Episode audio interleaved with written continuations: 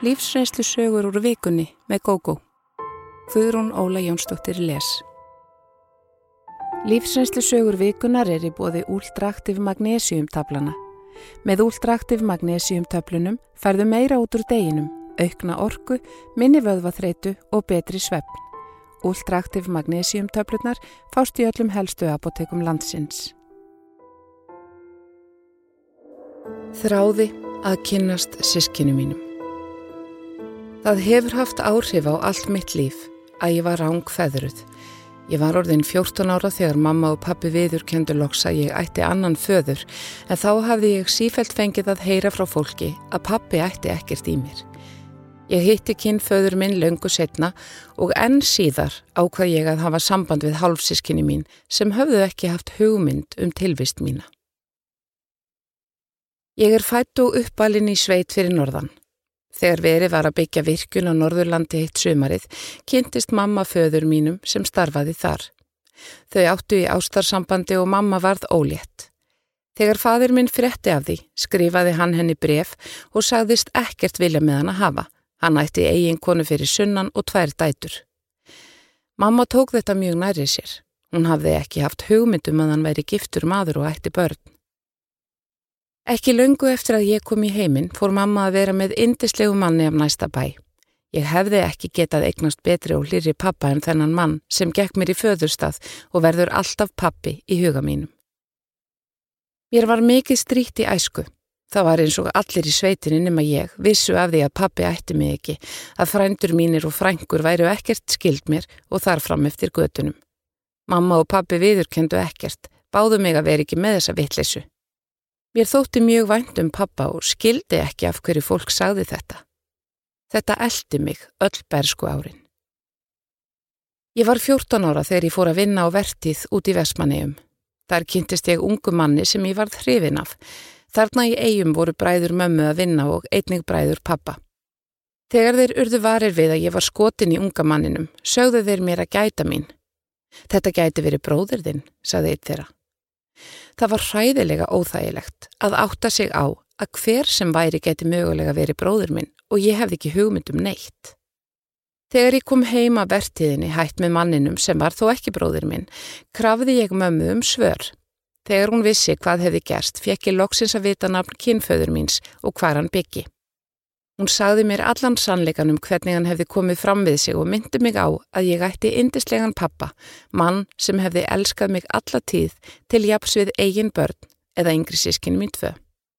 Sistir mín er örfáum yngri en ég en bróður minn 11 árum yngri. Mamma vann mjög mikið frá heimilinu áður. Hún var ljósmóðir og í þá daga bjóð hún í sumum tilfellum allt upp í tíu daga heima hjá sangurkonunum eftir fæðinguna. Við sísturnar vorum oft einar og sáum um okkur sjálfar þegar pappi var fjari en stundum komu þó eldri frænsinskinni og voru hjá okkur. Úlingsár mín voru góði minningunni. Ég þóttu uppótækjasum og vildi vera fóringin í leikum. Það bar engan skugga á neitt en það sveið þó undan stríðninni vegna fadernis míns. Ég egnaðist þrjú börn og eftir skilna við eiginmann minn tók ég saman við mann sem átti sex börn. Það hefur allatíð verið mikil vinátt á milli. Börnin mín tók honum vel og börnin hans mér vel. Engar flækjur og leiðindi. Ég var orðin 37 ára þegar ég ákvaðað heimsækja föður minn í Reykjavík. Hann var svolítið stórt nafn, gengdi góðri stöðu og rak auk þess fyrirtæki. Hann var vel stæður. Ég hef fylst með þér alla tíð, sagðan meðal annars við mig og það þótti mér svo litil sárabót fyrir alla höfnunina. Ég veit að ég gerði ekki rétt en hlutinir voru bara svona á þessum tíma, bættan við. Ég vildi ekki að konan hans blandaðist inn í þetta og baðan um að heimsókn mín yrði bara okkar á milli. Hann samþykti það og sagði mér frá sískinu mínum að þau væru fimm, ég ætti þrjár sístur og tvo bræður. Svo liðu mörg ár. Ég fekk krabba minn og í kjölfarið misti ég starfstrekið. Í bataferlinu átti ég rétt á viðtölum við sálfræðing og notfærið mér það. Ég talaði við indislega konu og í spjalli okkar kom þetta allt í ljós. Hún vildi endilega að ég gengi að kynnast sískinu mínum föðurmegin. Kunningakona mín þekkti mann sem hafði verið giftur einni hálsistur minni sem þá var látin fyrir nokkrum árum. Maðurinn hennar hafði gifst aftur og kunningakona mín þekkti einni konuna hans. Eftir að hún spjallaði við þau, let hún mig vita að best væri að ég talaði við eina ákveðna sýstur sem þau töldu að gott væri að tala við. Ég geti treyst því að fá góðar mótugur hjá henni, sögðu þau. Ég let vaða og hafði samband við þessa sýstur mína. Jú, hún tók mér ágætlega en var auðvitað svolítið hissa. Hún hafði ekki haft hugmyndum að hún ætti hálfsýstur sem hefði fæðist nánast í miðjum sískinahópi hennar. Ég sagði henni strax að ég sættist ekki eftir neinu af hendi þeirra. Ég erði bara þakklátt fyrir að fá viðurkenningu á að ég væri sýstir þeirra. Ég hefði heimsótt föður okkar fyrir nokkrum árum og hann hefði sannarlega viðurkent tilvist mína en ég hefði beðið hann um að halda því leindu á meðan móðir þeirra sískina væri á lífi. Þessa sýstur mína ætla ég að kalla önnu í sögunni þótt að sé ekki rétt nafn. Anna lendi í hálfgerðri klemmu út af mér. Eldri sýstir hennar og mín auðvitað, búsett í bandaríkunum, vildi til dæmis ekkert af mér vita. Hún sagði að það ætti ekki að garfa neitt í svona gömlu máli. Það væri ofseint. Best væri ef allt væri óbreytt. Bræður mínir vildu heldur ekkert með mig hafa, voru báðir vissir um að ég ætlaði mér að fá arf og var í raun megin illa við mig. Þriðja sýstirinn bjó fyrir austan og því miður lest hún áður en ég hertu upp hugan til að hafa samband við hana. Maðurinn hennar önnu var svolítið sérstakur. Hann tók málstað máa sinna og ákvað eins og þeir að ég vildi arf. Yngri bróðurinn syngdi í mig eitt daginn og spurði hvað ég væri eiginlega að gera. Ég sagði honum að ég ætlaði ekki að valda neinum usla í fjölskyldunni, síður en svo, ég væri fúst til að taka DNA-próf ef þau triðu mér ekki. Það var þó aldrei neitt úr því sem ég sé eftir núna. Ég vissi að fadir minn væri í dagvistun á hrafnistu og sískininn bönnuðu mér að heimsækjan. Ég hafði orðað við önnu að mér langaði að hitta hann áður en hann dægi en hann var komin með Alzheimer. Hvortu letu færan og annað dvalarheimili vegna mín veit ég ekki en þegar ég ringdi á hrafnistu og spurði hvert hann hefði flutt, fekk ég að vita að ekki mætti segja mér það. Ég bað þennan yngri bróður minn í þessu eina samtali okkar að segja mér af því þegar fadir okkar dægi svo ég þyrti ekki að sjá dánartilkynninguna í blöðunum. Hann samþykti það en sveik það. Dóttir mín ringdi í dægin og hafði séð minningargreinar um föður minn sem hafði látist rúmlega nýræður. Þetta var á útfaradægin hans, hálf tíma fyrir aðtöfn og allt of seint fyrir mig að fylgjónum. Ég hafði ætlað að mæta þegjandi og hljóða löst og láta engan vita hver ég væri, hver var bara í fjöldan. Ég hefði svo gjarnan vilja vera í sambandi við önnu sem virtist indælust af sískinunum en maðurinn hennar var á móti því, eflust sískinin líka. Ég ringdi eitt sér nýjana og ætlaði að byggja hann um einhvern eitt lítinn hlut til að eiga til minningar um föður okkar en maðurinn hennar svaraði í síman. Þegar hann heyrði að þetta væri ég, sagði hann einfallega, látt okkur í friði. Bara svo að það komi fram var ég alls ekki uppáþrengjandi. Þetta var mögulega þriðja eða fjórða símtalið á nokkrum árum. Ég veit ekki hvort Anna sjálf vildi fá frið fyrir mér en ég treysti mér hinnlega ekki til að hafa samband aftur. Hún ringdi aldrei í mig og hafði kannski engan áhuga á samskiptum við mig en mögulega vildi hún þóknast manni sínum og sískinum. Mér finnst það sorglegt. Ég hugsa stundum til orða mömmu sem sagði þegar hún vissi að ég ætlaði að hafa samband við föðurfólki mitt. Láttu þetta eiga sig. Þetta er ekki gott fólk. Þá held ég að hún væri bara sár út í föður minn sem sveikana. Nú er ég ekki jafnvis. Anna lést fyrir örfáum árum. Mér finnst svolítið sérstakt að við sýsturnar fjórar föður megin fengum allar krabba megin en engin okkar samskonar megin. Ég nýt efri árana. Við hjónin búum í fallegri íbúð við sjáarsíðuna og eigum nóg fyrir okkur. Ég þarf ekki á peningum að halda, þótt þessi hálfsískinni mín verðist handvisum að ég ágirnist arfin þeirra. Ég prjóna mikið í uppáhaldstólu mínum við stofuglukkan og horfi líka ofta á hafið. Við hjónin eigum 20 og 1 barnabart samtals og þau, á samt börnum okkar, eru duglega að koma í heimsókn, þóttu búi vitt og breytt um landið. Ég er vinmörg og mér leiðist aldrei. En, alltaf af og til, hugsa ég um að líf mitt væri fullkomið ef sískinni mín hefðu veitt mér þá gleði að viðurkenna mig sem sýstur í stað þess að ákveða að tilgangur mín væri ekki góður. Höfnun er alltaf sár og ekki er skára að vera höfð fyrir rángri sök. Maðurinn minn sagði við mig fyrir nokkrum árum að hann reynlega vorkendi sískinu mínum. Þau vissu ekki af hverju þau væru að missa. Engin væri sveikin af því að þekka mig. Fallega sagt af honum en sennilega er best að þetta fór á þennan veg. Ég vil ekki umgangast fólk sem er svona þengjandi og óttast sífelt að einhver reyni að hafa af því peninga. Óvænt vinslitt Eftir að vera orðin edru, eftir margra ára óreglu, egnaðist ég vinkonu sem ég taldi trausta og góða. Það tók mig mörg ár að sjá hvernig hún var í raun og veru og eftir á skildi ég ekkert í sjálfur mér fyrir að leifin að koma svona fram við mig eins og hún gerði. Ég var um tvítugt þegar ég ánetjaðist áfengi og síðar lífseðilskildum livjum og í allt of mörg ár stjórnaði þetta lífi mínu. Ég náði góðum tímabilum inn á milli og í því lengsta fór ég að búa með manni og egnaðist með honum svon. Þrátt fyrir mikla ást á bæði sinni og manni fjall ég mig látum eitt daginn og í kjölfarið misti ég þó báða frá mér. Næstu árin má segja að ég hafi sokkið reglulega til bots. Ég fekk fjárrakslega hjálp frá foreldrum mínum þegar ég var í góðu standi og vinur pappa átti íbúð sem ég fekk að búa í um tíma en lengst af bjó ég inni á neyslufélögum. Ég vann inn á milli hinn ímsu störf og ég er ekki vissum að sumt samstarfsfólk mitt hafi endilega gert sig grein fyrir því hversu oft ég var undir áhrifum livja en auðvitað ekki alltaf. Störfin voru fjölbreytt. Ég prófaði að vinna á saumastofu, ég raðaði í hillur í stórmarkaði, vaskaði upp á veitingastað og allt þar á milli. Ég ólst upp á góðu heimili. Fóreldrar mínir eru velmentaðir og sískinni mín gengu bæði mentavegin á meðan ég flosnaði upp úr námi í mentaskóla. Ég var svarti sögðurinn í fjölskyldunni en pappi og mamma gáfust aldrei upp á mér. Eitt daginn ákvað ég að fara í meðferð, nú fyrir sjálfa mig og engan annan. Heilsan var orðin slæm og mér fannst þetta líf tilgangslust og erfitt. Eftir eftirmeðferðina flutti ég til fóreldra minna og þegar ég var búin að fá mér vinnu tók ég litla íbúð á leigu, staður á þenni að breyta lífi mínu til eins betra. Ég stundati fundi hjá ónemdum samtökum og þar kynntist ég fríðu, einstaðri móður með unga dóttur.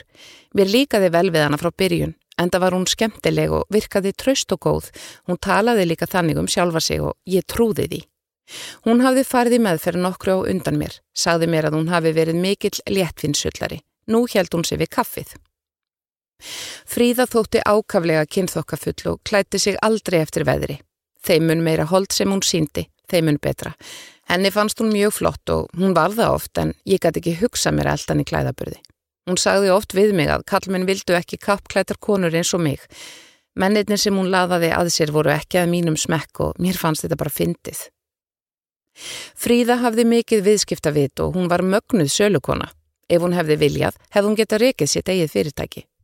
Einu sinni tókst henn að hafa af mér nýjar flíkur sem ég hafði kipt mér þann sama dag og síndenni og tókst að sannfæra mig um að láta hann að fá fötin í stað fulls póka af nótuðum fötum af henni.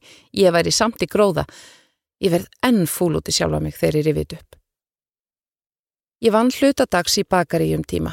Einhvern veginn þróaðist að þannig að ég mætti nánast daglega í kaffi til fríðu um miðjan dag og tók rúnstykki, brauð og sætmeti með en ég fekk góðan afslátt af vörum þar. Hún kunni vel að meta það en þegar ég ætlaði að taka afgangana með mér heim nánast krafðist hún þess að ég skildi þá eftir. Eftir að ég hætti í bakaríinu tók hún því illa ef ég kom ekki með eitthvað með kaffinu. Ég gæti að minnstakosti borgað í kaffinu, ódýri og vondu sulli. Hún Málið var að hún kvatti mig í sífellu til að koma og varð fúl ef ég gerði það ekki. Stuttu setna fekk ég vinnu allan daginn og þá lögðust þessir kaffetímar okkar fríðu sjálfkrafa af.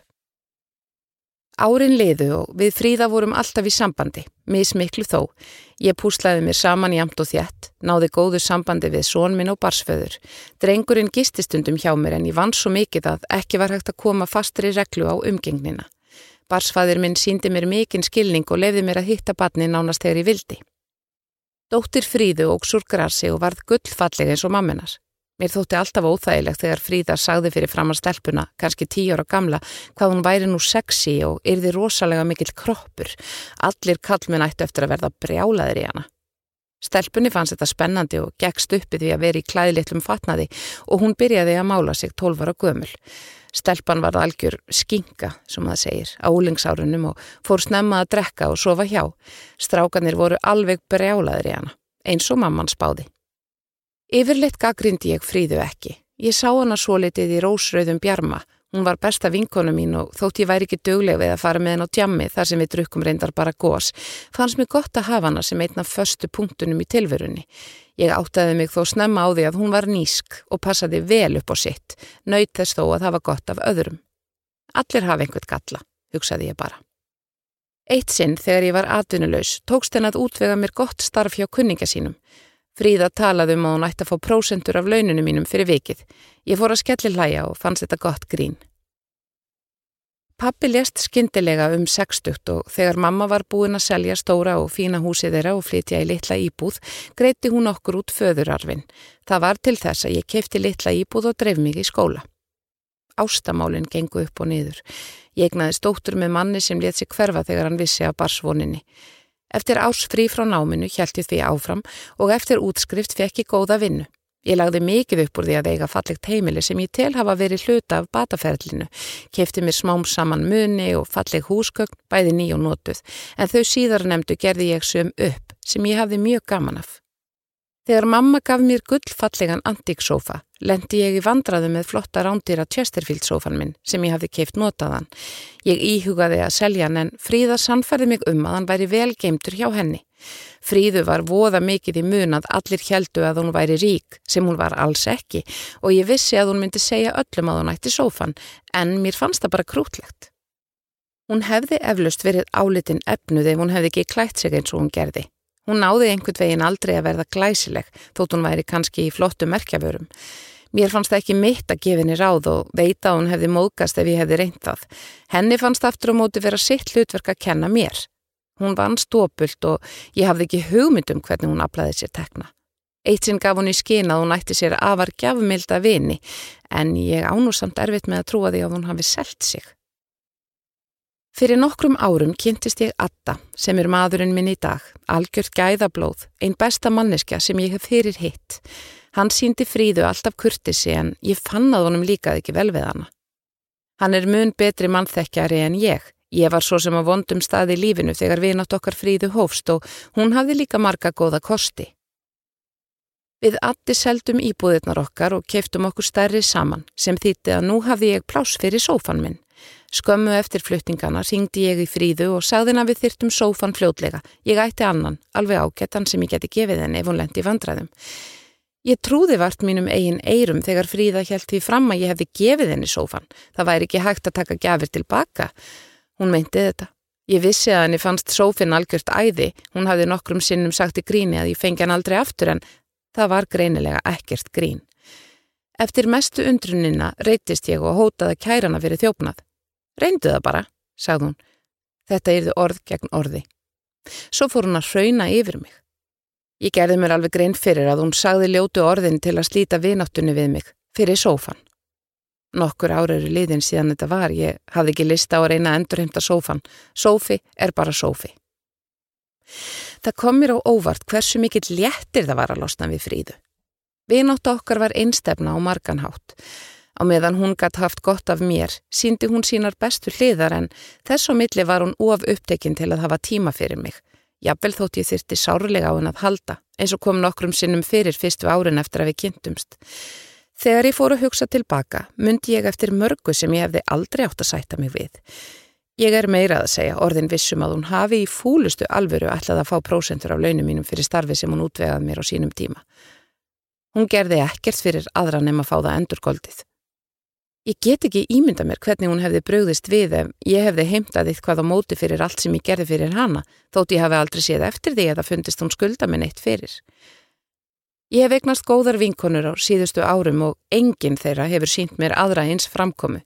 Kynin við þær hefðu fyrir löngu átt að segja mér hversu ruggluð vinátt okkar fríðu var. Svona hefði líf mitt orðið. Ég upplifði einstakastund í brúðköpsveislu sonar míns og fekk einskonar hugljómun um það hvernig líf mitt hefði orðið ef ég hefði ekki tekið afdrifaríka ákverðun sem fór vægast sagt illa í fólkið í kringum mig. Ég er næst elsta barnið í stórum sískinahópi og ólst upp á dásamlegu heimili. Pappi og mamma voru allatíð afar samhend og þótt mamma væri heimavinnandi og pappi sem var í góðu starfi inn í langan vinnudag vandist ég því að sjá hann riksuga og strauja til japs við mömmu.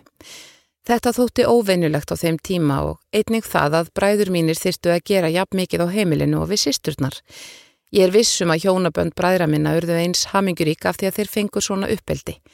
Fóreldrar okkar vildu okkur alltaf besta og ekki sísta við eignundum skóða maka.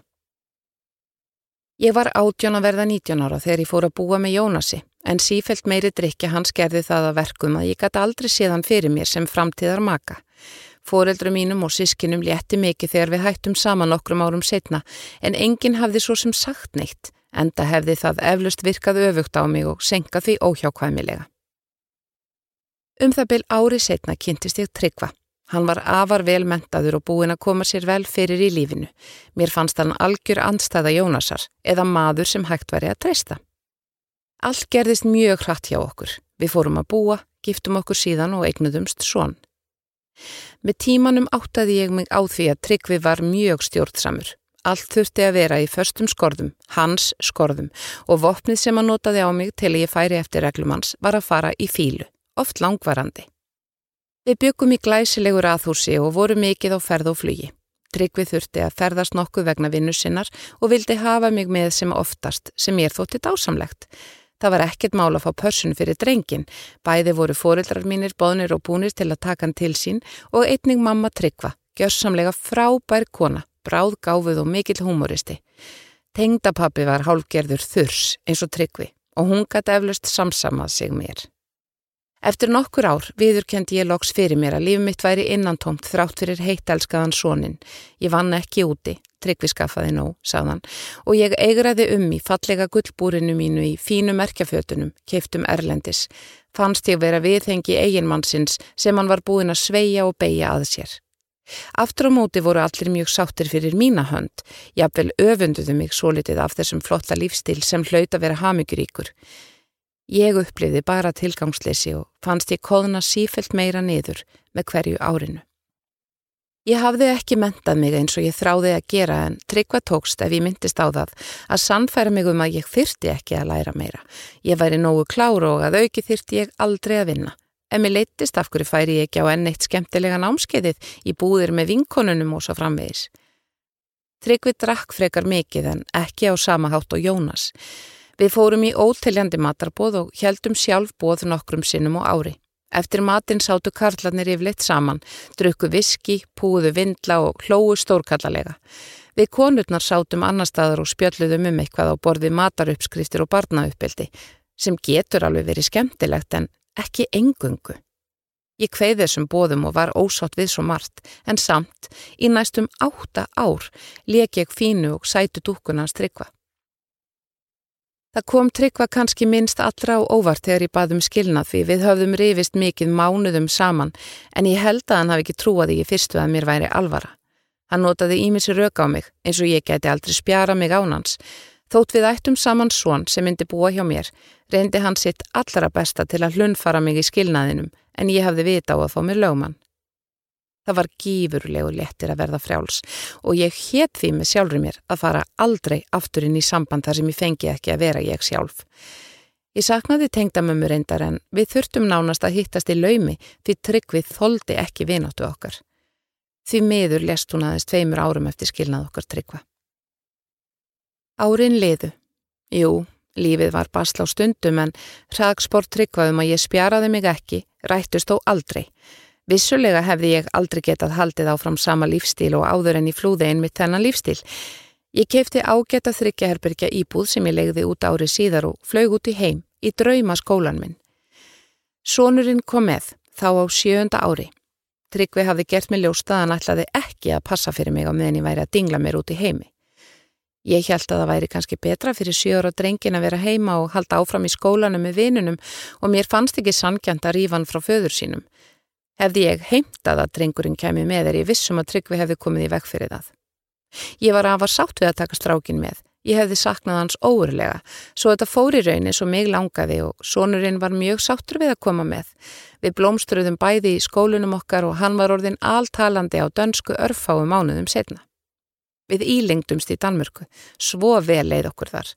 Sonurinn varði öllum sumrum á Íslandi. Ekki bara hjá Tryggva sem var giftur aftur, heldur líka hjá ömmunum og öfunum. Það var nánast rifist um drengin, ekki síst um jól og áramót. Þegar hann var orðin úlingur fekk hann að ráða sjálfur hvar hann yrði.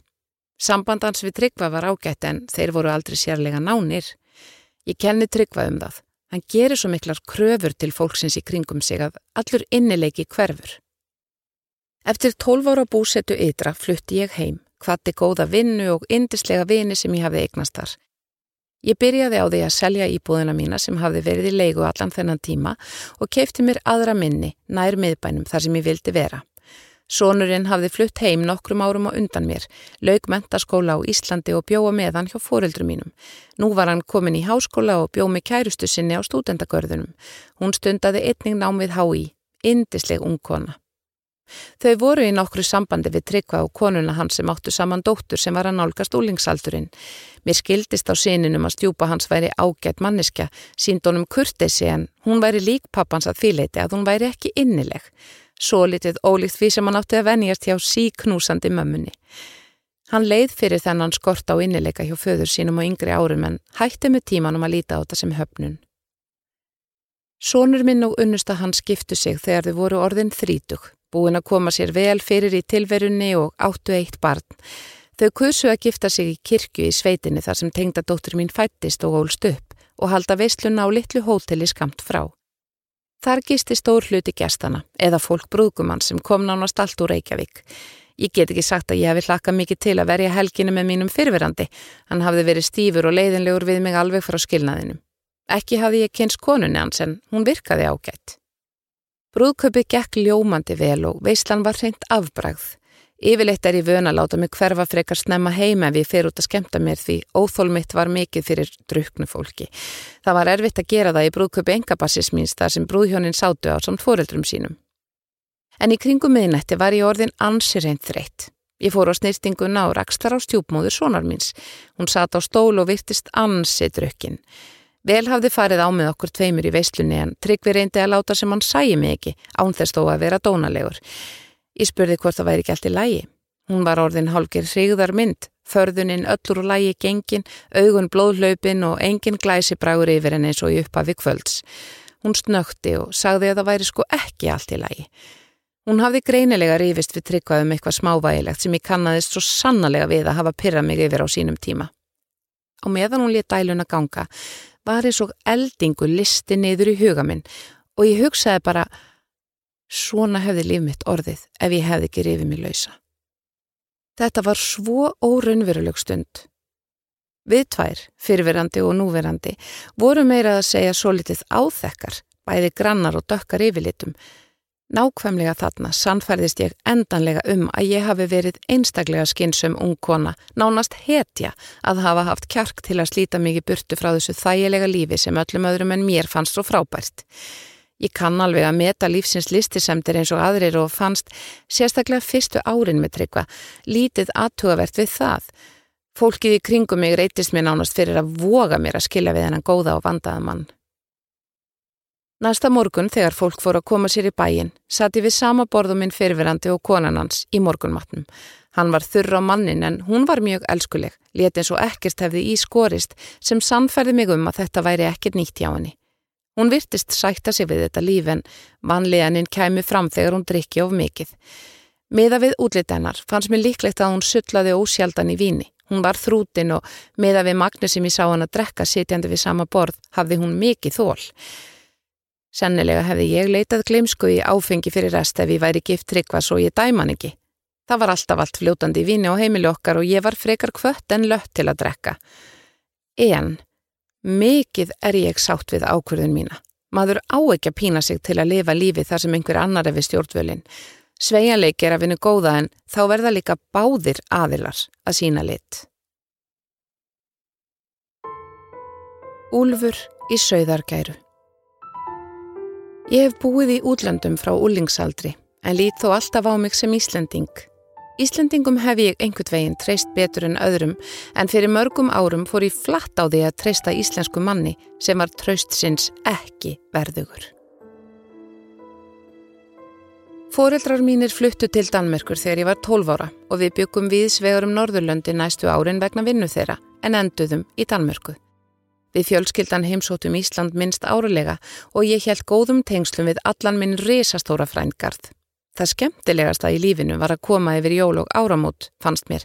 Ég átti góða vini sem ég held sambandi við, en besta vinkona mín var reyndar frænka mín, Jóna, og við erum enn mjög nánar. Ég var í kringum 25 ára þegar ég kynntist manninu mínum. Það var ást við fyrstu sín, eins og við hefðum vitað að við ættum ekki langan tíma saman, byðum við ekki, heldur giftum okkur hálfu ári setna og sonur okkar kom í heiminn okkur mánuðum setna. Maðurinn minn veiktist og barðist um tíma við yllvígan sjúkdóm sem við vonuðum allan tíman að hann inni sigur á, en nokkrum dögum eftir fimm óra brúðgupsamalið okkar lest hann. Þetta var gríðarlega mikið áfall og um tíma var ég fullvissum að ég liti aldrei aftur gladan dag. Þótt ég væri vantrúið á þegar fólk sagði að tíminn græti öll sár, fann ég að hann gerði það smám saman. Ég þurfti að vera til staðar fyrir sónminn sem hjálpaði líka til Fóreldrar mínir umvöfðu mig og einsískinni mín og vinir. Margir ættingja minna komu frá Íslandi til að vera við útföruna og þar á meðal Jóna Frænka sem komið á hugmynd að ég kæmi til Íslands innan okkur að mánada og yrði kannski í viku eða tvær. Mamma og pappi sögðu það frábæra hugmynd. Þau myndu passa drengin og meðan. Ég vissi að ég fengi líka frí í vinnunni þann tíma sem ég ætlaði að stoppa, eða í viku. Ég láði ekki að vera lengur í burtu. Veðrið var frekar hissingslegt þegar fljóðvilin lendi á Íslandi en mér fannst bara sessandi að komast í rók og regningu en það var komið haust og allra veðra von. Ég kom á þriðju degi og beinti ástrikt fangið á henni frænguminni. Við áttum frábæra daga saman og ég fann að þessi tilbreyting gerði mér afar gott. Ég átti mína góðu daga sífelt oftar og dapurleikin sem hafði ríkt hjá mér let lítið á sér kræla. Annarkvort á förstudags eða laugataskvöldinu fannst okkur tilvalið að kíkja út á lífið. Ég sagði þó frænguminni að ég treysti mér ekki til að vera of lengi. Það yrði eflust gaman að skreppa en ég vildi ekki skemma kvöldi fyrir henn og manninu mennar. Ég myndi sjálf bjarga mér heim til hennar þar sem ég gisti ef hún leti mig fór lekil. Jóna frænga drakk mikið á þessum tíma. Um eitt leitið um nóttina áttaði ég mig á því að hún og maðurinn hennar voru seinlega farin. Vinir þeirra sem voru á staðnum sögðu að þau hefðu ætlað að kíkja á fleiri skemmtistadi. Þau ætluðu að draga mig með en akkurat þarna hef ég eflis kroppið á snýrstinguna og þau ekki nefnd að býða. Það hafði glemst að láta mig fá leikils og nú voru góð ráð dýr. Ég var orðin þreytt og mér langaði ekki að vera þarna lengur. Ljúfur maður þarna við borðið og ég hafði spjalla nokkuð við, var var við vandraði mín og bauð mér gistingu. Ég leist ekkert sérlega vel á það í fyrstu en ég þekkt hann svo sem ekkert minna en aðra sem voruð þarna. Ég gæti ekki hugsa mér að hýma við húsið hana Jónu í þegar ég vonaði kemur snemma heim sem var ólíklegt, svo á endanum þáði ég bóðið. En það var hann Íslendingur. Ég hefði aldrei þórað að þykja svona bóð hjá einhverjum ytra. Hann sagðist vera með ágætan sveppsofa í stofunni og það færi öruglega vel um mig. Þar sem hann hafði ekki dreynt við mig um kvöldið, vildi greinilega bara spjalla, treysti Jónum betur en ég annars hefði gert. Á þessum tíma voru gemsar ekki komnir til sögunar. Mér minnir að risastórir farsímar sem kostuðu miklar fjárhæðir hafi verið að koma á markaðin. Við tókum leigubil heim til hann sem var þó ekki mjög löng leið. Jú, fínasti sveppsofi var í stofinni hjá honum og heimili frekar snýrstilegt sem mér fannst tröstveikjandi. Í snýrtiputtunum minni var ferðatannbusti svo ég gætt busta tennurnar. Maðurinn, sem ég ætla að kalla Lalla, lánaði mig náttvitt af sér til að sofa í. Helst hefði ég vilja sofa í fötunum svona til öryggis en Lalli mátt ekki heyra það minnst. Hann bjó um mig í sófanum og bauð góða nótt. Ég stein sopnaði á nokkru mínútum. Undir morgun vaknaði ég við að Lalli var að leggjast ofan á mig og byrjaður að rýfa í náttfötun sem ég var í. Hann virtist brjálaður og reyði út í mig, kallaði mig öllum yllum nöfnum, Hvað heldur þú að þú sért? Þykist vera svo flott með nefið upp í loftið. Það þarf að lækka í þið rostan, svona druslur eins og þú þurfa ráðningu. Svona held hann áfram og ég lamaðist úr óta. Ég held að hann hefði meitt mig meira ef ég hefði barist á móti eða æft. Þegar hann hafði lokið sér af eftir ótrúlega langan tíma, leta hann sig hverfaðin í herbergi. Þrátt fyrir að vera hel auðmi líkamannum tóks mér að klæða mig á með tíma og koma mér út. Ég var skelvingu lostinn, í áfalli og skammaðist mín alveg ofbóðslega. Á þessum tíma voru nauðgani sjálfnast kærðar en það datt mér ekki huga að gera það. Hafði ég ekki farið með honum heim? Var ég ekki flegin í blússu? Hafði ég ekki drukkið vín? Ég vissi að ég yrði spurð þessara spurninga ef ég kærðan og átti engin almennileg svör við þeim. Nú veit ég að þetta voru dæmigerð viðbröð hjá mér. Það tók mig hátt í tvo klukkutíma að ganga heim til Jónu. Ég treysti mér ekki til að taka leigubili eða fara með strætó. Mér fannst ég óhrein, ógeðsleg. Ég treysti mér ekki til að segja neinum frá þessu. Jóna hjælt og heldur enna ég hafi lent á sjans þetta kvöld. Hún hefði aldrei fyrirgefið sér að hafa látið sér hverfa með þessum afleiðingum. Ég kendi henni aldrei um, aðeins mér, fyrir að hafa treyst þessu ógeði. En hann bauð af sér góðan þokka og virtist vera í stóra vinahópnum hennar Jónu sem vann með honum. Ég komst þó að því fljótlega að hann hafði bara sest við borðið og farið að spjalla. Þekkti hópin ekkert. Ég gatt þó gefið í skinn við Jónu að Lalli væri ekki góður gæi án þess að útskýra það nánar. Ég veit að Jóna hefði þó geta vara vinkonu sínar við honum ef þyrsti. Það tók mig langan tíma að vinna í þessu. Ég átti erfitt með að treysta kallmunum lengi á eftir og dreymdi oft hræðilega drauma. Nokkrum árum setna leitaði ég til sálfræðings og það gerði gæfumunin fyrir mig. Rúmlega færtug giftist ég góðu manni og fyrir utan sálfræðingin var hans á fyrsti sem ég sagði frá þessu. Í dag sé ég eftir að hafa ekki kert Lalla. Mögulega hefði ég geta bjargað öðrum konum frá honum. Ég var alveg öruglega ekki eina fórnalampans. Það var svo greinilegt að hann hataði konur og vildi vinna þeim einn. Árum saman fyldist ég með fréttum frá Íslandi. Við fengum íslensk dagblöð send og ég aðtugaði alltaf sérstaklega hvort ég sæi eitthvað um að maður og aldur við Lalla hefði verið kærður fyrir nauðgun. Ég sá þó aldrei neitt sem fullvisaði mig um að hann hefði loks náðst. Kanski flutt hann til útlanda. Hann hafði minnst á það í spjalli okkar og skemmtistaðinum að hann langaði að flytja frá Íslandi. Ég vona að hann hafi fengið eða fái makleg málagjöld hvar sem hann er stattur. Þótt ég sjálf óttist hann ekki lengur er ég hrætt fyrir hönd annara kvenna. Svona menn verður að stöðva. Stelsjúka frængan Mamma mín og Ragnar frænga voru fættar með 16 mánada millibili. Þetta gerði þær ákaflega nánar og í æsku voru þær aldar upp eins og tvíburar. Þær voru í eins fötum, hvori sínum litnum, voru settar í sömu tómstundir og eiginlega alltaf gert ráð fyrir að þær hefðu sömu áhugamál. Mamma elskaði Rögnu sýstur sína en þegar sýstur dóttur hennar reyndist illa sjúk varð hún að velja og hún valdi mig. Við ólumst upp í náinni og indislegri fjölskyldu. Öll sískinni mömmu voru ástrík og tilbúin að steyðja börnin sín og hinna. Haldur, bróðir minn, var elstur batnabatna ömmu og afa en svo kom Jóhanna, dóttir Rögnu ári síðar. Næstur í röðinni var Áskir, líka bróðir minn, en svo komum við Lilja á sama árinu, hún í ágúst en ég í oktober. Að mörguleiti vorum við aldar upp eins og sýstur.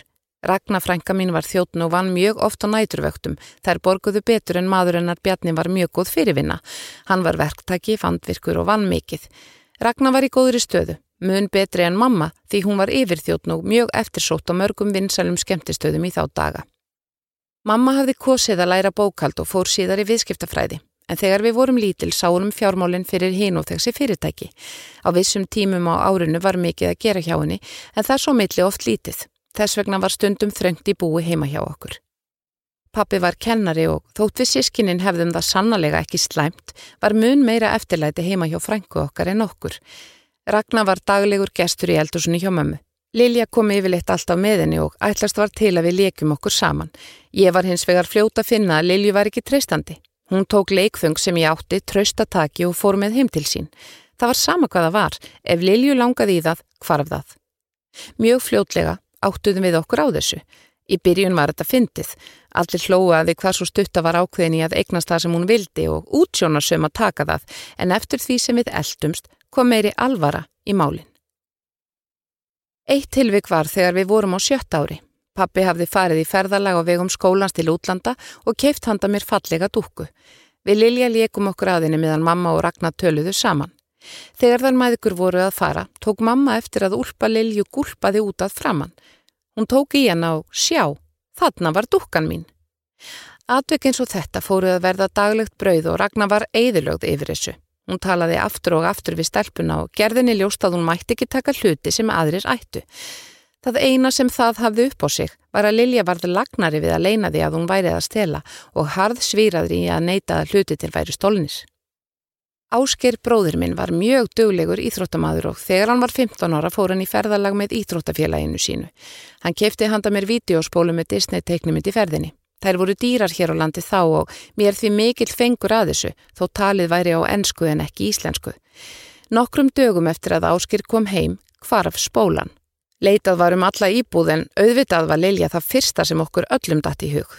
Mamma ringdi í rögnu og, jú, heima hjá þeim var spóla með þessari sömu mynd en Lilju hafði verið gefin hún. Bekkjarsýstir hennar hafði verið svo rausnarlega gefin hana. Engin trúði þessu og þótt Ragnar vildi ekki viðurkenna strax líina viss hún auðvitaði hjarta sínu að þetta væri ekki rétt. Áskir fór og talaði við bekkarsýsturina sem kom að fjöllum og spólunni var skilað. Allt þetta var til þess að ég fór að fela það sem mér var sárastum þegar Lilja kom í heimsókn og ef ég egnaðist eitthvað nýtt sá ég til þess að hún vissi ekki af því. Líti bar þess vegna ég þjófnaði hennar frá mér næstu árin. Við vorum orðnar 16 ára og komnar í mentaskóla þegar ég egnaðist litrikan og fallegan trefil. Það var í tískuð að vera með stóra trefla marg vafða um hálsin og ég var mjög ána með þennan. Dag nokkur kvarfan í skólanum. Ég var ofbóðslega leið og leitaði mikið, en trefillin fannst ekki. Nokkru mánuðum síðar fór ég í bíó með vinkonu minni. Þar hittum við Lilju og um hálsin á henni var trefillin minn. Ég var alveg brjáluð og reyfan af henni. Hún reyfst á móti, sagðist að hafa keft sér svona trefil sjálf því henni hafi þótt minn svo flottur. Ég síndi henni þá að dreyið var til í treflinum, nokkuð sem ég vissi af og benti á að það væri merkileg tilviljun að þið sama hefði gerst á nákvæmlega sama stað í hennar trefli. Þetta endaði með að bæði ég og Lilja fórum heim öskureiðar og klöguðum hvori sína mömmuna. Ragnarfrænka var rosalega reið. Hún sagði mömmu að ég hefði niðurlegt Lilju fyrir framann vinkonur hennar og alla aðra bíógesti. Að Lilja var alla treysti sér í skólan eftir þetta og ég hefði geta sínt á tillitsemi að tala við frænku mína undir fjögur augu. Mamma vildi halda friðin og skipaði mér að byggja Lilju afsökunar en ég þver neytaði. Saðist ekki alltaf vera meðvirk með stelsjúkri mannisku. Laungu væri tímabært að Ragnar færi með dóttur sína í meðferði á sérfræðingi og fyrst hún væri tilbúin að stela, ætti hún líka að vera tilbúin að taka afleiðingunum. Eftir þetta urðu algjör vinslitt millir mín og Lilju. Mömmur okkar heldu áfram að hittast og tala saman en við sniðgengum hvora aðra algjörlega. Árin liðu og við urðum fullortnar. Lítið samband var áfram á milli okkar en við hittumst í fjölskyldubóðum og vorum kurtisar. Í fyrra átti ég stóra afmæli og ákveði var að halda upp og það með glæsi brag. Legður var salur og pantaður matur og að sjálfsögðu bóðið mínum bestu vinum og fjölskyldu. Vegna þessa fannst mér ég ekki geta útiloka Lilju svo henni var bóðið líka. Kvöldi var dásamlegt. Allir skemmtu sér konunglega og pakkarhúa sapnaðist upp á borði fyrir framann ingangin.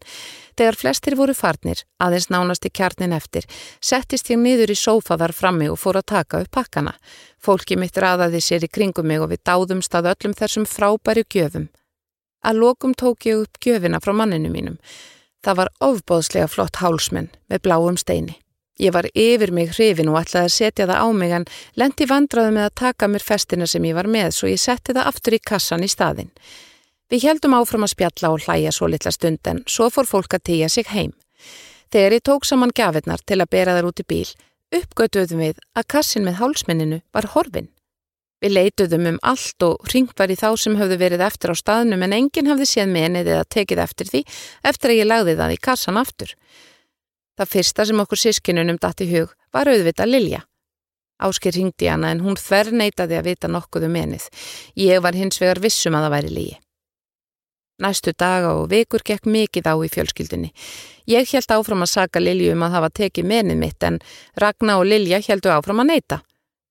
Þetta endaði með að Haldur bróðir, Áskir og Nanna sýstir Lilju fóru heim til hennar. Þau kröfðust þess að fá að leita af sér allan grun en Lilja var alveg brjáluð.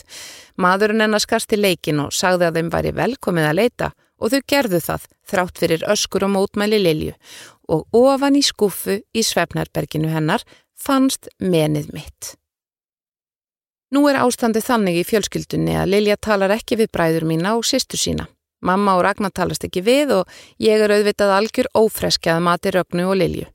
Mér er alveg sama en finnst leiðinlegt að sjá hvað mamma er eðilögð yfir þessu. Bræður mín er yppa hins vegar aukslum og Haldur sem alltaf hefur viljað halda friðin segir að honum hafi fundist þess virði að gera allt brjálaða þessu sinni því hann hafi ekki geta sætt sig við að hún kemist upp með að stela ammaliðskjöfinni minni.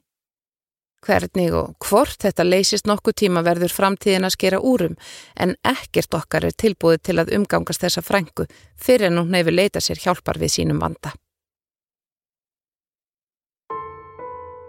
Þú varst að hlusta á lífsreynslusögur úr vikunni með GóGó í lestri Guðrúnar Óli Jónsdóttur og framleiðslu Storysight árið 2020. Höfundaréttur Vikam.